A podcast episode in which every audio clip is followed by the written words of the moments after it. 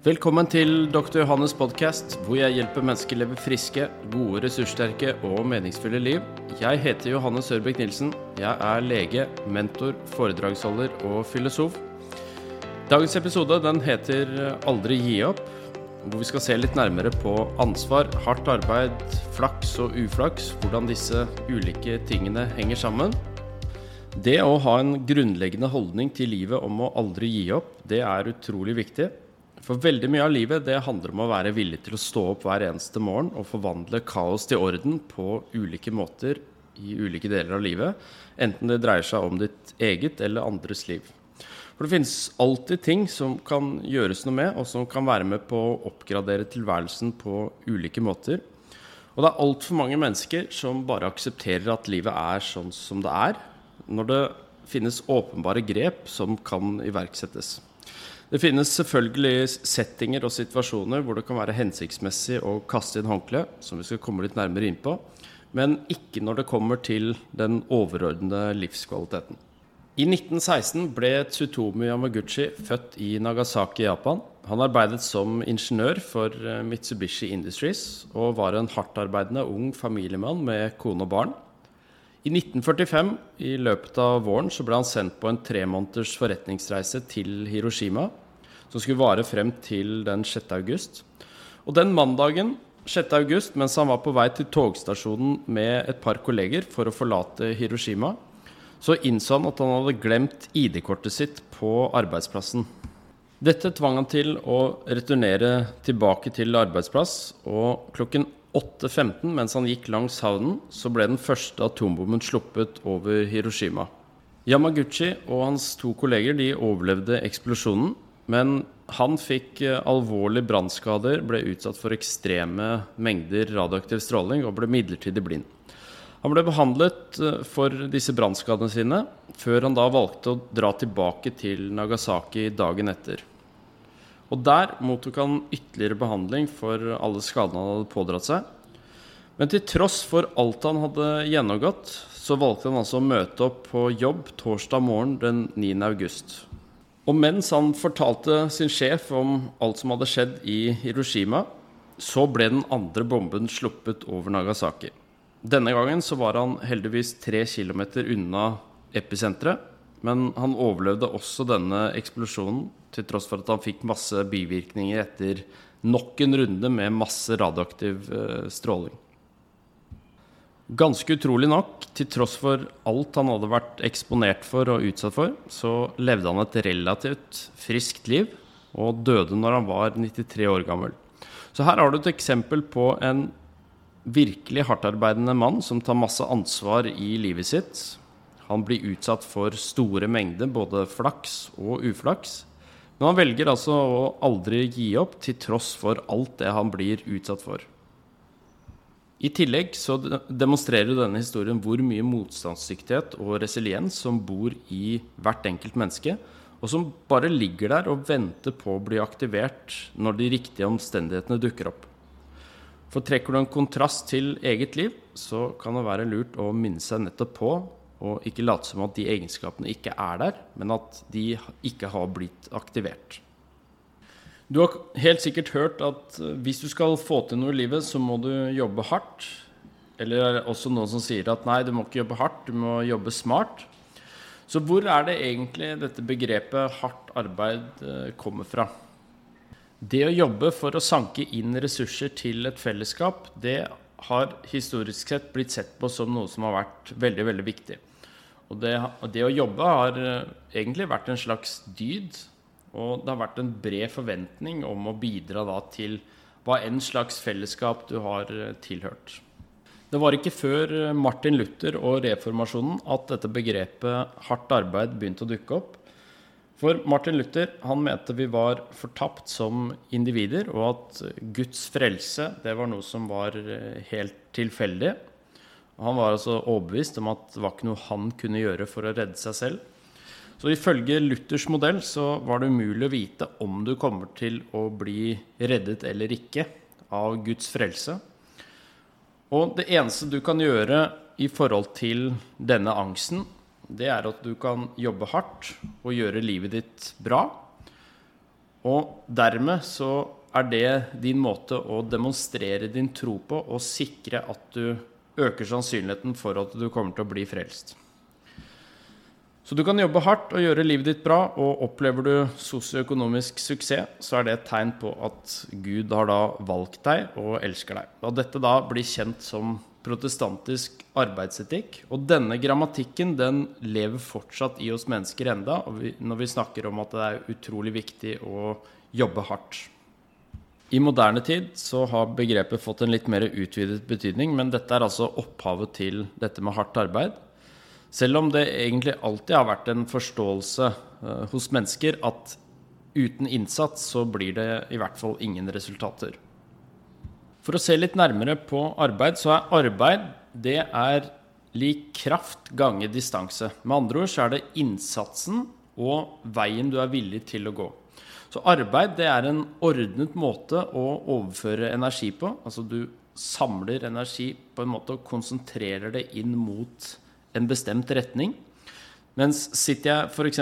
i sofaen, eller sitter du i sofaen, så vil energien overføres på en kaotisk måte til omgivelsene i form av varme. Så energimengden er den samme. Det eneste som avgjør om det blir gjort arbeid eller ikke, det avhenger av om energien blir ordnet og organisert i en eller annen form for retning. Så for å oppsummere, hvis du sitter stille i sofaen, så blir energien overført til omgivelsene i form av varme, altså på en kaotisk måte. Mens hvis du drar på en treningstur eller gjør et, eller annet form for arbeid, så blir den samme energien ordnet og organisert i en retning. Veldig mange mennesker i dag sliter jo med både utbrenthet og det å kjenne seg veldig mye sliten. Og det er derfor jeg ønsker å gå litt nærmere inn på hva det er som skaper denne problemstillingen. Se for deg at du har en bil som står stille på et rett underlag, og denne bilen da står i fri, sånn at det går an å bevege på den. Det som hindrer denne bilen i å bevege seg, det er det som kalles for treghet. Det er friksjon på, altså mellom underlaget og dekkene. Det er en motstand der som blok enten blokkerer om det er mulig å bevege på det eller ikke.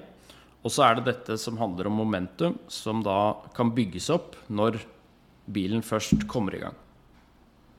Så sitter du stille i sofaen, så er treghet det er den motstanden kroppen din har mot å endre stilling fra ikke-bevegelse til bevegelse. Mens motstanden det er alle de faktorene som kan tilknyttes deg som person. F.eks. at du ikke orker, at du ikke ønsker å endre stilling, og det kan være andre underbevisste faktorer i tillegg. Og friksjon det er alle symptomene som dukker opp idet du kommer i gang, og som eventuelt hindrer at du får bygget opp et momentum.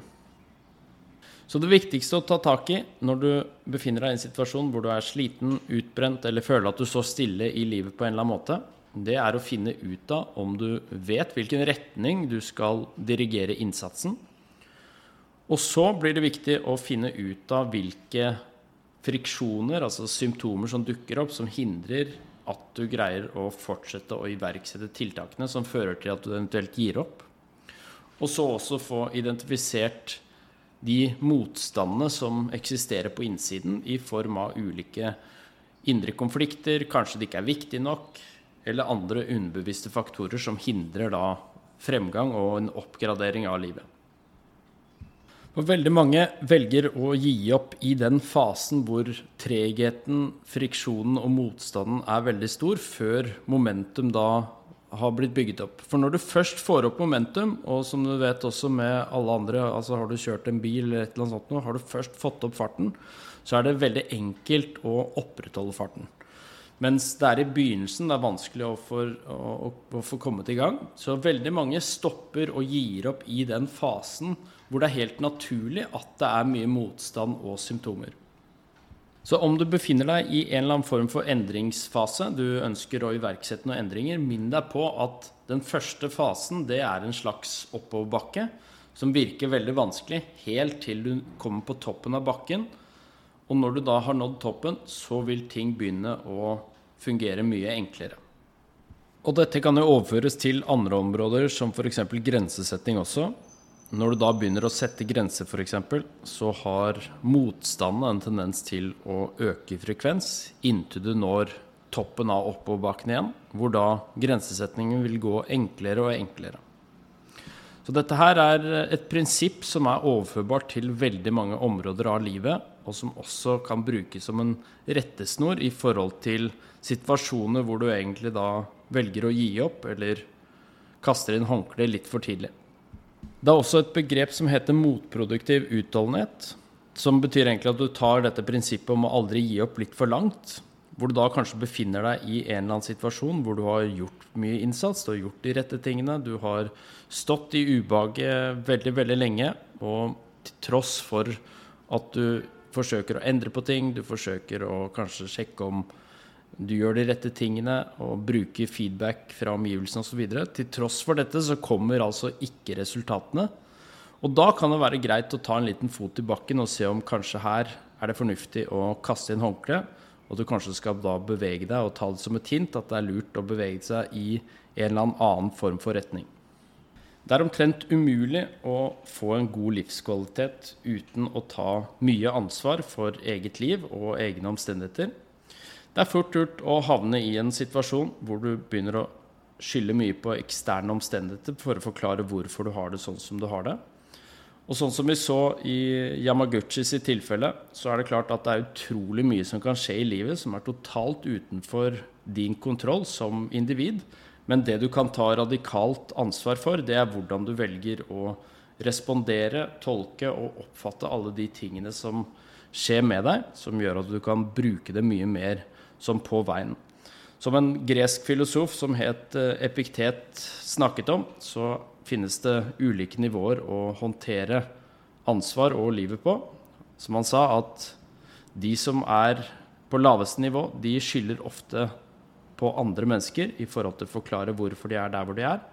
Mens nivå to, det er å rett og slett skylde på deg selv. Mens nivå tre, som han sa, det er mesteren, og der har all skyld egentlig forduftet. Også gjerne slik at du har en tendens til å ta naturlig ansvar på områder som er mer viktig for deg i livet, og delegere bort eller overføre ansvaret over til andre på områder som ikke er så viktige. Så hva er det som karakteriserer en ansvarlig person? Det er ofte at de ikke skylder på eksterne faktorer, andre mennesker eller omstendigheter som forklaring på hvorfor du har det sånn som du har det, og de resultatene du har. De følger ofte opp ting de har tatt på seg, så de demonstrerer en større grad av bevissthet, evne til refleksjon, og ofte kan se både styrker og svakheter ved seg selv. Mens en uansvarlig person de skylder ofte på eksterne faktorer, andre mennesker, og omstendigheter som forklaring på hvorfor ting er sånn som de er. De følger ikke opp ting de har tatt på seg, enten de er klar over det eller ikke, og demonstrerer ofte en mindre grad av bevissthet og evne til refleksjon. De kan ofte se styrke ved seg selv, men har vanskeligheter med å ta inn over seg eller å se hvilke svakheter de har. Så dersom du ønsker å ha en best mulig livskvalitet, så vil jeg anbefale å ta mest mulig ansvar i livet. Selv om kanskje det ansvaret ikke er ditt i det tilfellet, så er det bedre å ta litt for mye ansvar enn å ta altfor lite. Som jeg nevnte tidligere også, så blir jo livene våre påvirket av store mengder både hell og uhell, eller flaks og uflaks. Aristoteles han mente at eh, flaks det spiller en rolle i menneskelige affærer. Men han mente ikke at det var hovedårsaken til hva som bestemte utfallet. Han så på det som at utviklingen av deg selv med ferdigheter og dyder, det var mye, mye viktigere. I tidligere tider så ble ofte flaks og eksterne hendelser ofte årsaksforklart med en eller annen form for guddommelig inngripen.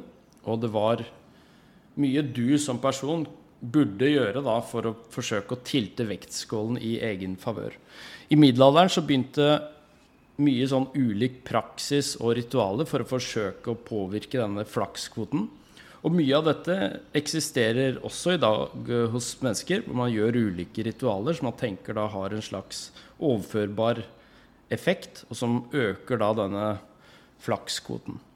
I senere tid så har vi jo egentlig gått mer over til en større grad av forståelse som baserer seg på sannsynligheter og tilfeldigheter. Selv om det fortsatt er en del som fortsatt forklarer mye av det som skjer, med mer metafysiske krefter.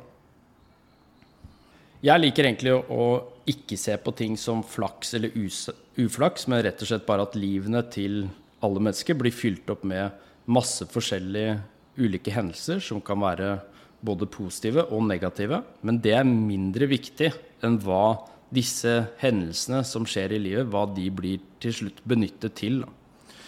For det er så utrolig mye i livet vi ikke kan få gjort noe med, så da er det egentlig best å snu om fokuset til å ikke karakterisere det så veldig mye som å, nå har jeg masse flaks, nå har jeg masse uflaks, men heller bruke alt det som skjer, som en slags feedback og tilbakemelding, som kan være med på å justere kursen og eventuelt stimulere til annerledes tenkning og kanskje sette i gang en refleksjon som fører til at du oppgraderer måten du gjør ting på, eller et eller annet sånt noe, som kan øke sannsynligheten for at resultatene kommer mye mer din vei.